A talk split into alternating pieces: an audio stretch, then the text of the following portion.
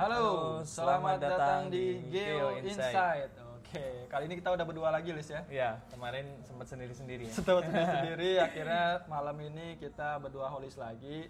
Kita ngobrol-ngobrol sama uh, orang-orang spesial nih. Lis. Iya, dan tambah spesialnya karena biasanya kita nggak baru sekali yang cewek ya itunya Iya, narasumbernya. baru sekali kemarin si Rona. Baru si Rona kemarin. Sekarang ini cewek-cewek semua nih sekarang. Langsung tiga orang lagi. Langsung tiga orang lagi diborong gitu kan. Ini kita mau wawancara apa mau arisan ini nanti, Lis? Ini kita Iya. sambil arisan nih. Uh, kali ini Geo Insight telah uh, kedatangan orang-orang dari HR Migas Community. Yeay. Di sini udah ada tiga narasumber kami yang yang sudah datang. Yang pertama itu adalah Mbak Juli. Apa kabar Mbak Juli? Baik, hai Avel, hai Halo. Kolis. Hei.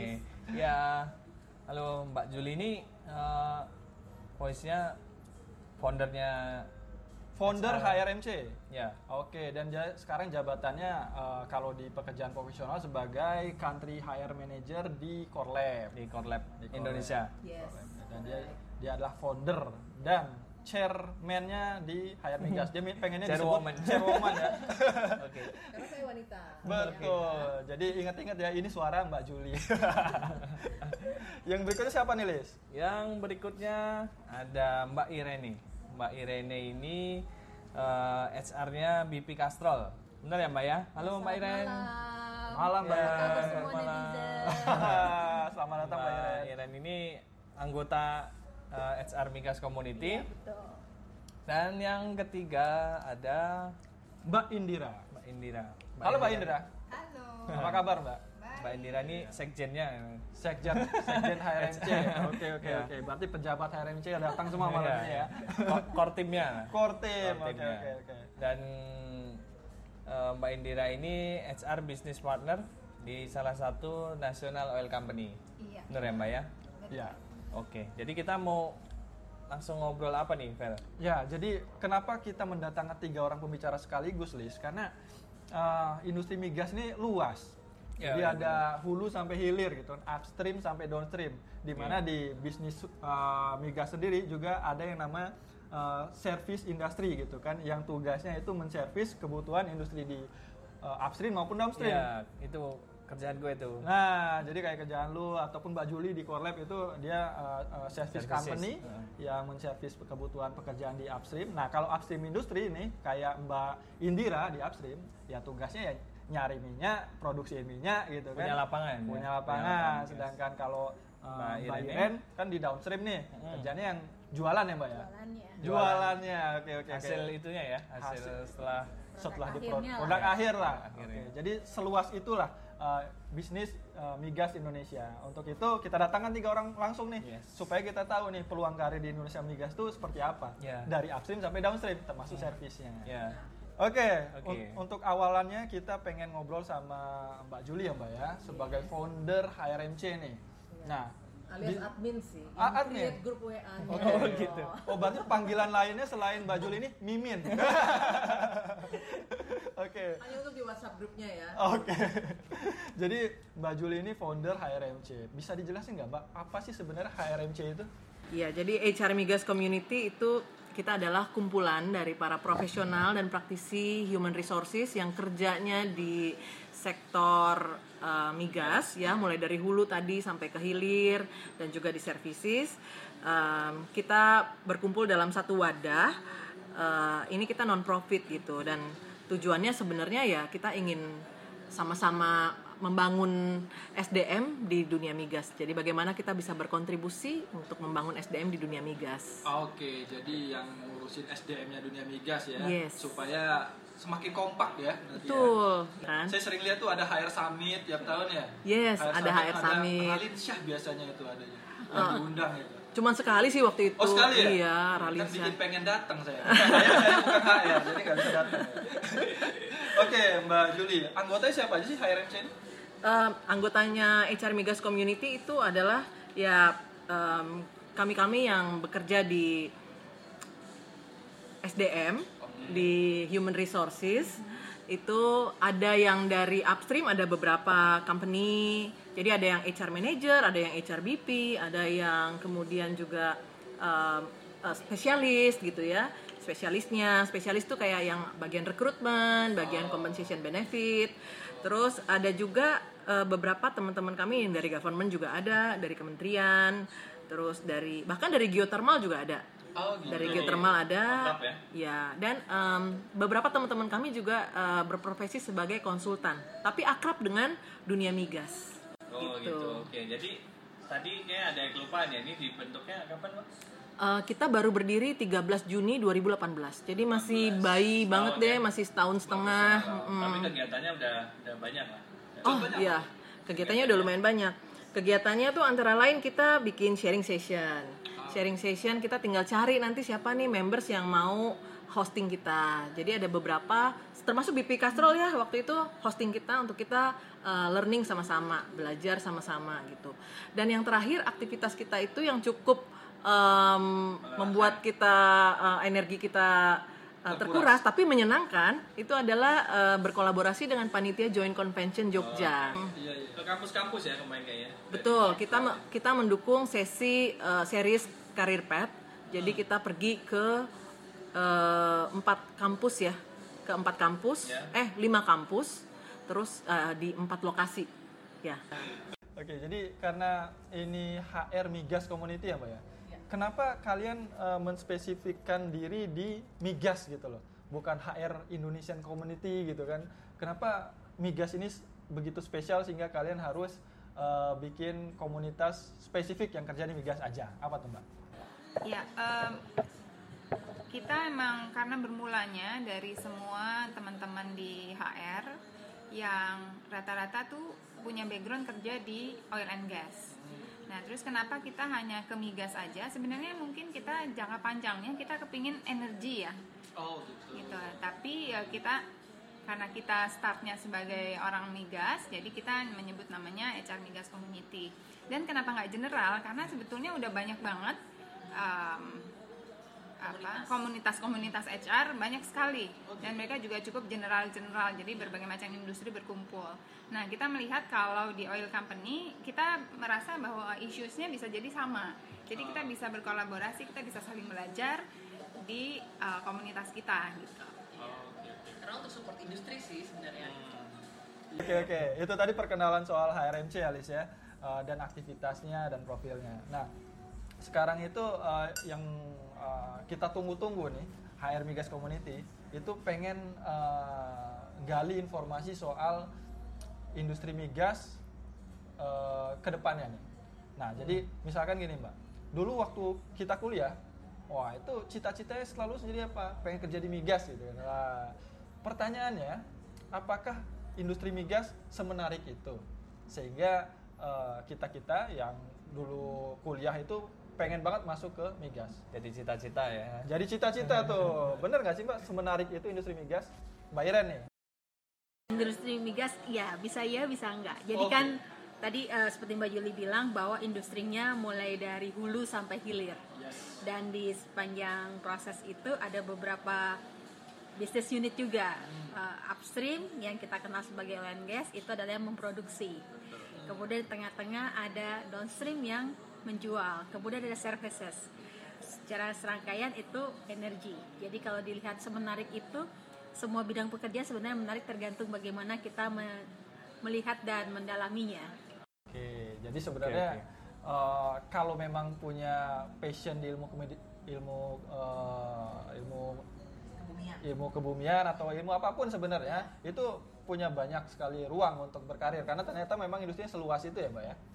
Eh, aku pengen tahu sih sebenarnya bedanya eh, bisnis eh, proses migas dibanding eh, industri yang lain itu uniknya seperti apa sih? Keunikan bisnis di eh, migas itu sendiri? Enak nggak gitu? Kalau saat pertama kali saya join di industri ini, em, yang paling yang paling terasa banget itu adalah banyaknya regulasi ya. Regulasi. Jadi kalau saat eh, sebagai HR di industri yang lain itu relatively kita regulasinya kita itu adalah em, regulasi ketenaga kerjaan aja gitu ya. Terus sama ya regulasi peraturan di company. Nah, tapi kalau di sini karena kita terkait juga ada SKK migas gitu ya. Oh iya. Eh, jadi macam-macam lah regulasinya juga. Terus kalau untuk yang multinational company bisa jadi mereka juga ada aturan lain lagi gitu di negaranya masing-masing. Jadi emang cukup kompleks ya kalau uh, my experience, my personal experience kalau dibandingkan antara sebagai HR di industri migas sama HR di industri yang lain, kalau yang industri yang pernah saya jalani ya, itu di sini relatif lebih kompleks. Walaupun memang uh, bisnis proses dari bisnis proses HR-nya sendiri tidak berbeda. Baik eh, Mbak Iren yang udah pernah di service ataupun yang sekarang lagi di downstream eh, secara eh, apa pengelolaan sumber dayanya apakah berbeda atau sama aja Mbak? Core prosesnya di bidang SDM-nya sama. Titik beratnya yang beda. Salah satunya yang eh, saya merasakan perbedaan yang cukup signifikan adalah faktor safety. Mungkin eh, Mbak Yuli dan Mbak Indit di upstream dan services juga apa menyadari itu. Safety itu jadi eh, concern yang tidak ada room untuk negosiasi. Sementara kalau di industri yang lain, saya kebetulan pernah juga di non services seperti farmasi dan itu itu tidak se penekanannya tidak seketat di sini. Dan kemudian bagaimana engagement dengan government itu juga tidak seketat di industri uh, oil and gas. Uh, dua yang saya lihat adalah faktor safety itu uh, industri ini sangat menaruh perhatian penuh dan uh, faktor compliance. Safety first ya. Semuanya. Jadi ada ada dua poin yang yang menarik ya. Secara pengelolaan sumber dayanya, mau itu di hulu, hilir, servis sebenarnya hampir sama aja ya mbak ya. Cuma eh, industri ini unik ya dari segi regulasi. Ini banyak banget regulasinya gitu kan. Terus yang kedua faktor safety itu utama banget di sini. Nah memang seberesiko itukah mbak Juli kerja di industri migas sehingga safety is number one. Ya, emang seberesiko itu kah? Iya. Sebelum saya di services, saya juga pernah di upstream dulu dan sama seperti Iren ya, yang saya lihat juga di industri ini sangat menekankan safety dan itu satu pembelajaran juga dan memang penting karena industri ini kan sebenarnya uh, industri yang high teknologi dan uh, high risk. That- That's why makanya safety itu uh, penting gitu. Satu lagi apa? High investment, ya kan? Invest, eh, investasinya ting- tinggi gitu. Jadi jadi udah pasti sih, udah pasti uh, safety itu adalah number one karena high risk industrinya itu, terutama yang di upstream ya. Sama juga sih kayak di tempat saya itu juga walaupun di services kita kan mengelola uh, lab gitu ya. Lab itu kan um, apa cairan kimia apa semua harus ditreat dengan benar dan satu lagi kita juga support untuk drilling kan. Jadi uh, equipment, tools gitu. Jadi ada hal-hal yang um, apa kita punya radioaktif walaupun kecil tapi ada gitu Oke oke oke. dan itu harus ditreat dengan benar kalau tidak Wah, bisa merusak masa depan ini. yes gitu Oke oke paham paham. Menarik ya Lis ya. Ya, menarik ya. Karena kalau mi- misalnya gini Lis, em, lu dikasih pekerjaan yang high risk gitu kan. Yang lu minta apa? Safety pasti. Safety yang pertama safety, yang kedua Duitnya harus s- ada duit yang setimpal dong. Iya, iya. Wah, emang be- berkorelasi positif nggak mbak antara resiko tadi dengan eh, benefit yang diberikan untuk karyawan di migas? Nah, kita pengen tanya nih. kalau ngomong benefit ya mbak Indira jangan Mbak Indira, oke oke Mbak Indira, gimana Mbak? Emang kerja di migas itu eh, punya benefit seperti apa sih? Kalau kita bicara benefit, benefit itu macam-macam ya. Semua orang pasti berpikir segala hal itu eh, bisa dimasukkan sebagai benefit. Gitu. Nah, secara umum sebetulnya benefit di industri apa pun sama. Jadi misalnya akan ada medical, gitu ya, ada em, eh, mungkin THR. THR, bonus, ya, insentif, gitu. Di samping base salary-nya. Nah, kalau misalnya kita bicara tentang industri migas, apakah semenarik itu? Yes. Eh, tergantung Wah. melihatnya menariknya itu seperti apa. Karena skema untuk setiap migas itu upstream, downstream dan Service. services itu bisa jadi beda-beda. Nah, kadang-kadang orang tuh melihatnya sepotong-sepotong. Misalnya membandingkan antara base salary di upstream sama di downstream misalnya. Itu kadang-kadang mereka membandingkannya hanya langsung misalnya basic salary dengan basic salary atau medical dengan medical. Eh, sangat jarang orang berpikir bahwa secara annual tuh sama apa enggak sih? Gitu. Hmm, oke. Nah itu biasanya yang menjadi eh, kalau misalnya kita mau hire orang, dia mereka kadang-kadang ngelihatnya itu cuma basic salary-nya aja, tapi lupa apakah eh, Benefit lainnya. itu berapa kali setahun bisa jadi kan. Oh, iya. Oke. Nah, itu hal-hal seperti itu yang akhirnya kembali lagi ke industrinya masing-masing. Jadi menarik nggak menarik sebetulnya relatif ya. Tapi gajinya gede ya, Mbak ya? Gaji Pertanyaan yang sulit dijawab kayaknya, Lis. Tapi di upstream sama di downstream pasti lebih tinggi di upstream ya? eh, Tergantung pada tergantung juga. Tergantung, dari stage, tergantung dari eh, size organisasinya dan si stage dari Hmm. eh, company itu sendiri. Jadi kayak misalnya kalau misalnya startup kan di oil company juga ada startup company untuk oil oil and gas ya. Misalnya orang-orang yang baru eksplorasi. Hmm. belum tentu yang eh, di industri eksplorasi itu gajinya lebih kecil karena bukan di upstream Eh, karena mereka baru mulai itu belum tentu juga Jadi mungkin nambahin dari Mbak Indit, eh, setiap pekerjaan kan pasti membutuhkan skill dan kompetensi. Oke. Dan semakin tinggi skill dan kompetensi yang dibutuhkan untuk melakukan pekerjaan itu tersebut, maka itu akan terko- terkorelasi di Benefitnya. benefit dan gajinya. Ya, karena tadi ya Bel, kalau kita waktu kuliah itu pengen di industri migas salah satunya karena wah gajinya gede kalau di pasti masuk di Oh industri gitu, migas awalnya tuh. kuliah gitu. Iya. Mikirnya udah duit aja dari zaman Gitu. kuliah, Mbak. Kuliah tuh lo kalau nanti masuk industri migas gajinya gede loh gitu. Oh, oke. Jadi kita meng- Ternyata lulus di saat yang salah. Iya benar ya lulusnya di waktu yang salah. Oke oke. Jadi sebenarnya secara benefit itu em, kalau Mbak Indira tadi bilang ya sama aja gitu kan. Dan jangan compare eh, secara bulanan aja, tapi lihat secara tahunan ya ya. gitu kan. Nah eh, balik lagi nih eh, karena kita ngomongin industri migas, se- sepengalaman Mbak-Mbak bertiga ini. ada benefit khusus nggak sih yang diperoleh di industri migas di luar industri yang lain? Nah, spesifik nih, ada nggak? Em, kalau saya yang saya alami ya Iya. pada saat saya di upstream sih Hmm. bedanya saya eh, bisa bisa compare jadi bedanya kalau di upstream memang eh, the beauty of the benefit in the migas itu adalah eh, medical benefit. Medical. Iya. Karena Unlimited ya kayaknya ya? Oh, iya. iya. Oh, kalau lain nggak unlimited kah? enggak ada limitnya Oke. kan. biasanya ada asuransi gitu tapi yang saya tahu pengalaman saya kalau di upstream itu secara medical benefit dia unlimited Oke, Yang termasuk em, semua hal yang terkait pengobatan Iya. eh, pekerja ya dari mulai pekerja yang susah Pekerja punya anak pun juga Iya. dibiayain ya untuk pekerja dan keluarganya Lo juga Mel, punyamu juga gitu. eh, nanti saya buka buku perusahaan dulu ya, saya belum baca. Oke, tapi oke. biar bagaimanapun seindah-indahnya benefit itu lebih indah kalau kita sehat walafiat ya nggak pernah sakit ya Amin, kan setuju mbak. Oke oke. Oke. Atau ada benefit lain nggak selain medical? Mungkin Mbak Iren nih, yang Kalau di kami karena kita downstream, kembali eh, core business kita adalah jualan.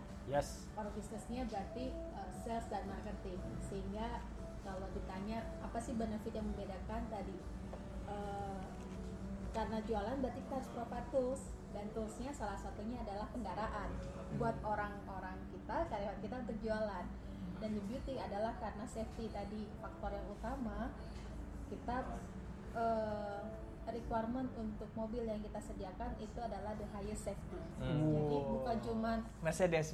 Mobil yang asal ini tapi eh, secara berkala tim HSE kita akan review misalnya dari airbagsnya nih kalau dua airbags aja udah aman safety bilang harus 4 airbags kalau perlu 6 airbags ya itu akan kita harus ikutin meskipun Oh, gitu. ada cost tambahan yang diterima oleh perusahaan Oke oke karena oke. aspek safety tadi Oke, menarik ya Mel ya, banyak benefitnya ya. Wow banyak Jadi- ternyata. jadi Kok di perusahaan gue nggak gitu? mau direkrut Sekalian interview ya. Oke, Eh, sekarang mungkin pertanyaan yang lebih em, tajam lagi nih, Lis. Oke. Kita langsung buka-bukaan aja nih sekarang. Pertanyaan yang banyak ditanyain oleh teman-teman netizen juga sebenarnya. Emang range gaji di migas itu berapa sih, Mbak? Wah, ini nih. Siapa yang mau jawab nih? ini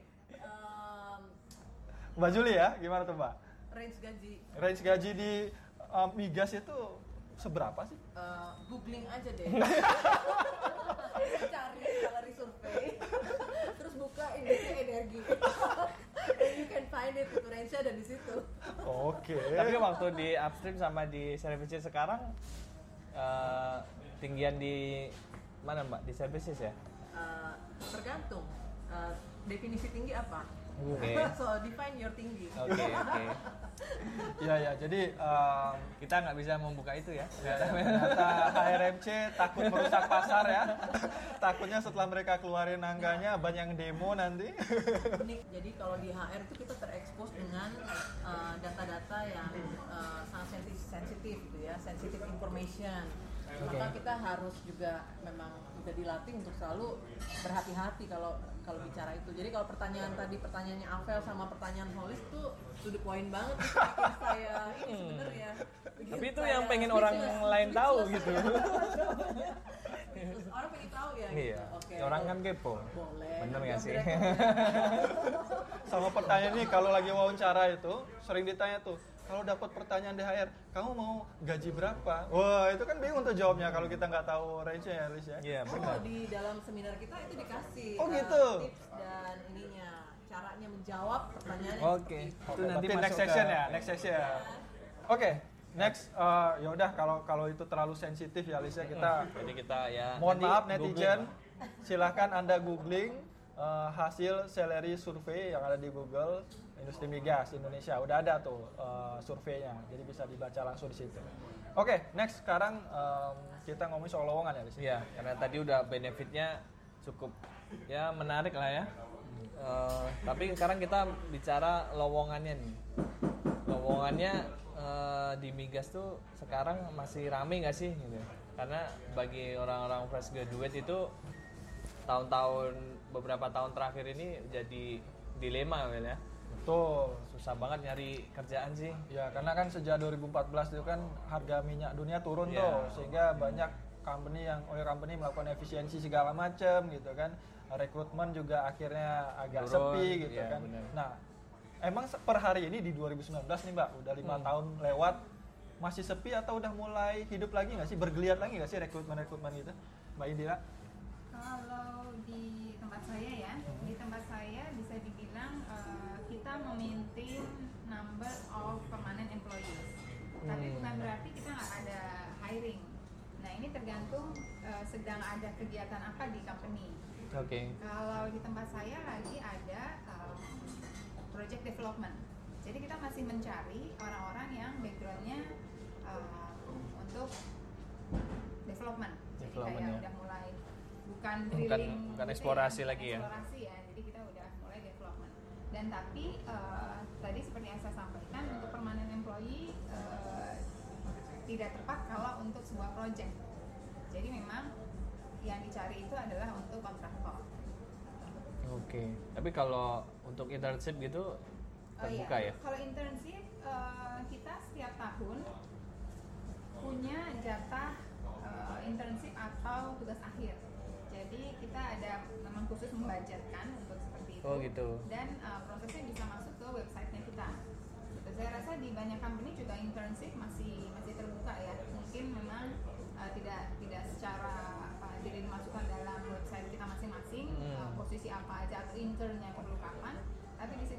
link bahwa kalau yang berminat untuk internship atau untuk tugas akhir itu bisa diakomodir melalui Oke, oke. Alurnya sebenarnya gimana sih Mbak? Karena dulu aku juga waktu mahasiswa pengen internship atau magang gitu kan. Itu email yang kita submit CV kita CV kita yang kita submit di alamat email di website itu akan langsung diproses nggak sih Mbak? Karena jarang dapat respon. Mbak. Kayaknya nggak dibaca deh. Prosesnya gimana sebenarnya itu? Mbak? Ya, kalau di company saya kita punya uh, petugas. Kalau misalnya kita bilang petugas ya, kita punya Admin. punya punya tim Hmm. yang memang memonitor um, email tersebut. Jadi kita punya email khusus untuk menampung permintaan-permintaan tugas akhir atau internship. Nah di situ Hmm. nanti prosesnya adalah uh, biasanya kita meminta mereka untuk memasukkan semacam kayak proposal, terus ada juga um, apa IPK hmm, nilai ya nilai Uh, dan jurusannya apa dan mereka berminat untuk uh, eh, tugas akhir atau intern apa. Nah nanti di internal akan dicarikan mentornya. Nah kalau mentornya kita karena pinginnya orang yang eh, mahasiswa-mahasiswa yang masuk ke situ ada mentor yang khusus memang bisa uh, in touch cukup intensif. Jadi mereka nggak cuma masuk terus disuruh-suruh gitu ya, tapi memang harus uh, ada end resultnya yang bermanfaat buat mereka. Jadi kita selalu mencarikan mentor. Kalau mentornya nggak ada, uh, dalam arti kata nggak available, ya mohon maaf, jadinya kita nggak bisa mengakomodir. Hmm, oke oke. Prosesnya seperti itu. Tapi kayaknya lebih cepat lewat orang dalam ya daripada Waduh. lewat website-nya. Iya.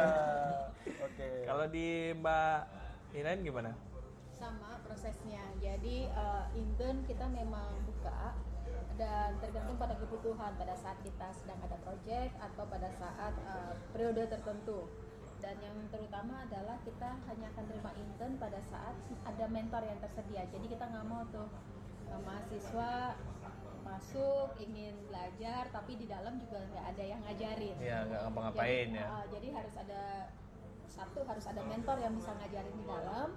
Dan dari mahasiswanya sendiri juga waktunya pas. Pas artinya kadang kan ada yang cuman ingin intern sebulan atau berapa minggu kita melihat kita ngajarin faktor induction dan settingnya aja udah habis seminggu.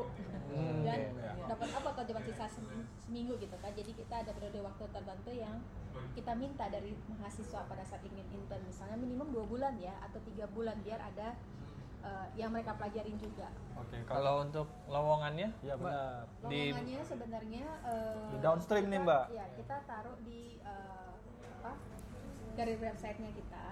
Tapi tidak memungkiri juga the power of networking Oh, Ya. networking lebih halus, Mbak. Iya, lebih halus. orang dalam, Mbak. ya salah ya. Oh, iya, Nah, iya, the iya. power of networking misalnya oh lagi projectnya udah mau deadline nih belum ini dan kita butuh uh, tenaga kerja yang bisa membantu atau uh, ada project yang memang part of CSR Hmm, oke. Tapi kalau lihat misal lima tahun terakhir gitu, Mbak, di BP Kastel sendiri ada cukup banyak nggak sih? Ada Uh, lowongan? kita hampir setiap tahun terima cuma memang jumlahnya tidak banyak karena Oh, dari gitu. mentor yang tersedia pun kita benar-benar seleksi nih harus satu satu intern harus punya satu mentor. Karena kan kalau pekerjaannya kalau pekerjaannya bisa. Jadi eh, intinya kita nggak ingin orang masuk ingin belajar tapi di dalam jadinya malah istilah jawanya pakai leleran lah ya. Oke, jadi mungkin eh, yang bisa saya tangkap sebenarnya oil company yang sekarang baik upstream maupun downstream itu masih memaintain rekrutmen eh, karyawan walaupun jumlahnya eh, tidak banyak gitu kan. Eh, masih ada gitu kan. Masih ada ya, Walaupun tapi- sekarang secara proporsi yang kontrak eh, lebih dominan sekarang dibanding yang permanen mungkin hanya limited aja orangnya Mbak ya. Oke. Berikutnya apa nih Lis? Oke, jadi kita udah posting di sosial media kita, Instagram. Eh, ada beberapa pertanyaan dari netizen nih. Info dong loker migas eh, yang ada saat ini, baik internship atau itu. Tadi udah kita udah dibahas ya, atau mungkin ada ada itu nggak ada informasi gitu. Kalau yang jelas sekarang lagi buka sih Mm-mm. Impex kalau lihat dari ininya ya baca itu dibuat di mana kemarin ya Kompas ya atau di mana ya di tapi Impex tuh lagi buka, buka Oke. saat ini buka websitenya Impex saja ke karir itu dia lagi buka kalau lowongan pekerjaan kalau lain dari itu saya belum tahu sih Oke. ada atau enggak gitu Ya, silakan netizen diserang itu websitenya Impex. diserbu, diserbu. Wah. Oke, kemudian yang kedua nih, Vel. Ya ya. um, jadi disiplin ilmu apa aja sih Mbak yang bisa bekerja di industri migas? oh Mbak Juli? Um, nah, karena judulnya kan industri migas, jadi Hmm. mungkin konotasi orang tuh hanya orang-orang yang punya background kebu- ilmu kebumian ya, Yes, kayak atau exactly. keminyakan, kayak geologis, terus kemudian uh, petroleum engineer Yeah. atau apalagi geofisik, Geologis, gitu geofisik. ya. Mere- uh, tapi enggak gitu. Kami di HR kan dari support function, jadi di sana kan ada yang ada yang core, kemudian ada yang mungkin non ada yang support gitu ya. Nah, yang di core yang tadi itu ilmu kebumian jelas masuk. Tapi di luar itu yang support function itu bisa banyak backgroundnya. Ada yang mungkin backgroundnya ekonomi, bisa masuk di finance karena ada orang procurement juga, hukum uh, hukum betul bagian legalnya. Uh, dan yang menarik kalau di upstream itu kalau di lapangan punya apa namanya em, mes atau mes Base atau camp. apa ya base camp itu kan harus ada yang ngurus tuh kayak kita ngurus hotel aja lah istilahnya jadi orang-orang yang punya background hospitality itu juga akan pastinya eh, bisa bisa berkarya di industri ini gitu jadi sebenarnya segala macam background itu bisa masuk sih ya ke industri ada ruangnya di sini ya. Iya iya iya. Terutama di supporting system tadi ternyata dari mulai hukum, ekonomi sampai perhotelan pun Akuntansi. bisa ya. bisa Iya. Oke oke. Permodelan bisa mbak? Permodelan. gitu. Permodelan buat buat PR-nya gitu. bener banget Iya. Bener ya? iya Dia biasa yang ngurus gituan mbak. oh, oh, bener ya Satu lagi nih, Apa tuh? eh, opportunity. Tadi kita udah ngomongin ada berbagai lowongan dan eh, internship ya. Kalau ke depannya ini eh, gimana sih opportunity industri migas ini ke depannya? Untuk opportunity untuk bisa masuk gitu. Loh. opportunity untuk bisa masuk industri migas. Mm-mm. kalau menurut saya pribadi sih masih sangat terbuka ya. Cuma memang mungkin daya saingnya akan lebih eh, ketat. Nah em, ini juga nih yang perlu kalau teman-teman yang banyak mendengarkan ini dari eh, ilmu kebumian bahwa sebenarnya nggak cuman di industri migas aja kan mereka bisa berkarya ya. Apalagi kayak eh, anak-anak geofisis gitu kan ya. Em, ada kayak BMKG ya kan? Sebenarnya bisa. Terus em, mungkin juga apa? Tambang ya kan? Bisa juga tambang. Atau nih kayak kayak Avel sama Polis nih senang bikin podcast. Bikin podcast tapi yang ada hubungannya dengan ilmu kebumian that's your ini juga sebenarnya gitu. Jadi ke depannya sih tapi kalau di industri menurut saya itu masih akan em, akan tetap ada dan dibutuhkan. Karena kan eh, apalagi ada orang-orang yang sudah senior mendekati pensiun jadi pipeline itu harus tetap jalan sih hanya mungkin banyaknya nggak sebanyak yang dulu mungkin ya Di Core Lab sendiri bakal ada lowongan nggak nih? di, di saat ini em, kita ada ah, kita ada karena organisasinya nggak besar Hmm. tapi lowongan sih selalu ada biasanya lowongan itu ada karena menggantikan yang pensiun Oke. atau ada yang resign tapi role-nya itu masih dibutuhkan gitu Hmm.